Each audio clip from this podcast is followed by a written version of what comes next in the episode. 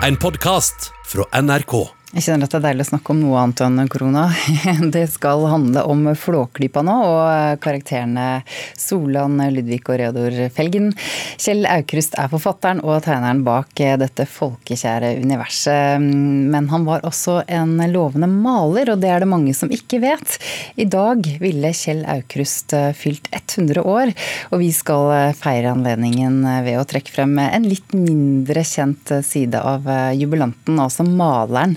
Mona Palle Bjerke, kunstkritiker her i NRK. Hva slags um, kunstner var han da, egentlig? Ja, Han eh, omtales gjerne som en romantisk realist. Han vokste opp i Alvdal, og faren hans eh, var da eh, stortingsrepresentant senere for Bondepartiet, men var bestyrer under barndommen da på Landbrukshøgskolen i Alvdal, og der bodde de. Og Aukrust han hatet skolearbeid og elsket å tegne. Dette siste det var eh, det ingen som var noe særlig opptatt av. Og det var da den store, anerkjente kunstneren Henrik Sørensen som eh, kom og hjalp eh, Aukrust da han var gjest i hjemmet der og fant noen tegninger og sa at dette er jo et veldig begavet barn. Han var jo egentlig tenkt å gå i snekkerlære, for faren hadde sagt at han ikke ville ta til seg boklig kunnskap, så da måtte han gjøre noe praktisk. Men Sørensen var jo en sånn skikkelig høvding i norsk kunstliv, da, og han bare beordret liksom nærmest far at ja, dette her er det han skal satse på, og han sendte også et brev brev til Statens håndverk- og kunstindustriskole hvor han sa at han skulle tas opp som elev. og Da var han 16 år og den yngste noensinne som var tatt opp ved skolen. Altså Henrik Sørensen mente han hadde et stort talent. Eh, hva mener du? Eh, ja, han har et utvilsomt eh, malerisk talent. Han, når man ser på ungdomsarbeidene så ser man at han var så utrolig mottagelig. Altså, han lytter seg inn i de maleriske strømningene. Han er veldig sterkt preget av lærere og veiledere, som da Henrik Sørensen, Per Krogh, Jean Heiberg, men også andre kunstnere og forbilder, som Edvard Munch, senere Kai Fjell. Og denne mottageligheten det var på en måte både han et fortrinn, men kanskje også en ulempe. Fordi at han fikk litt problemer med å utvikle en liksom originalitet, et helt egenartet uh, uttrykk. Vi ser det i f.eks. altertavle i Solia kirke 1942, med en høyreist Kristusskikkelse som er omgitt av lys. Det er veldig Sørensen. Akkurat som i 'Barna i skogen', så ser vi det er så munksk. Uh, måten liksom trærne er som silhuetter mot himmelen og sånne ting. Selv om man selvfølgelig ikke er helt på nivå med Munch, da. Men det problemet med å finne sin egen stil, det hadde han da ikke som eh, illustratør? Virkelig ikke som illustratør og forfatter. Her var han jo dypt original og fant sitt egenartede kunstneriske uttrykk. Han var jo helt briljant. Han hadde denne evnen til å eh, ta ting på kornet, altså menneskelige egenskaper. Sette ting på spissen, både tekstlig og tegnerisk. Og han var jo også en ordkunstner. Akkurat som han bygget opp og komponerte tegningene sine, så er jo setningene hans også så velkomponerte, så formfullendte og fulle av humor eh, og innsikt. Men som maler så forble han et uutviklet talent, og det var jo fordi han sluttet å male tidlig. Fordi han jo ble en så stor suksess med bøkene sine.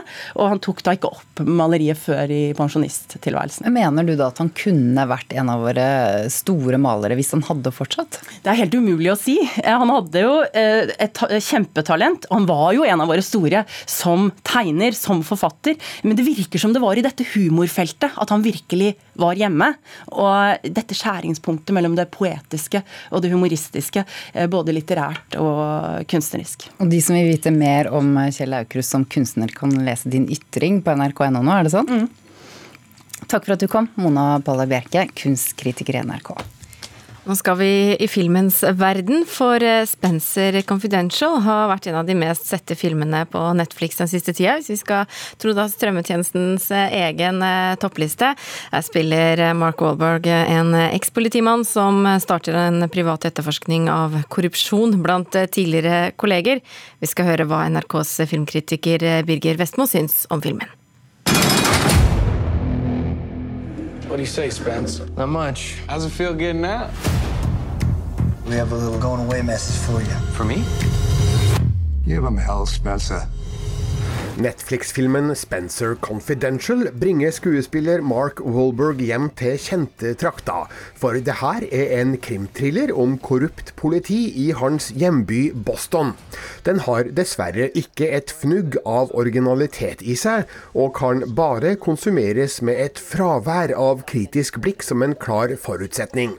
Det er mye ved denne filmen som kan plukkes i fillebiter, og den burde være skarpere, morsommere og hardere men Spencer Confidential er en film det ikke bør tenkes for hardt på.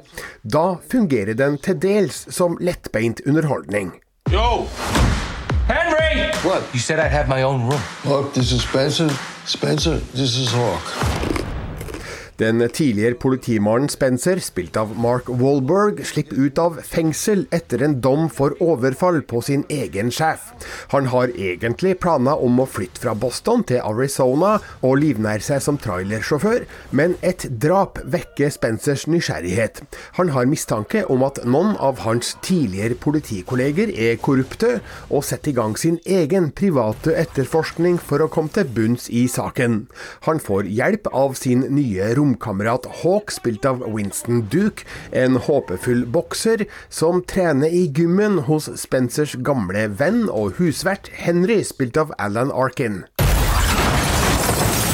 Yo! Get in! You're in big trouble. For what? You smashed the car to a restaurant! Anslaget, fremdrifta og klimakset er såpass tradisjonelt løst at Spencer Confidential ikke er egnet til å overraske deg på noe vis om du har sett et par Dirty Cop-filmer før. Det er ingenting som tyder på at Mark Wahlberg og regissør Peter Berg har anstrengt seg nevneverdig for å gjøre Spencer Confidential til mer enn fyllstoff på Netflix-lista. Filmen fremstår som et helt middelmådig produkt, laga med lave ambisjoner og senka skuldre på et spinkelt budsjett. Den enkle humoren gir noen rykninger i smilebåndet, men actionsekvensene er skuffende korte og blodfattige, og thrillerelementene skaper ikke noen form for spenning. Slutten på Spencer Confidential legger opp til en potensiell oppfølger, og det er nok mulig å videreføre den buddy cop-aktige kjemien mellom Spencer og Hawk, men da bør Mark Wahlberg legge lista mye høyere. We're not playing Batman, okay? This is Batman business all the way. Terningkast tre. Jeg fikk filmen fra anmelder Birger Vestmo, og filmen kan du altså se på Netflix.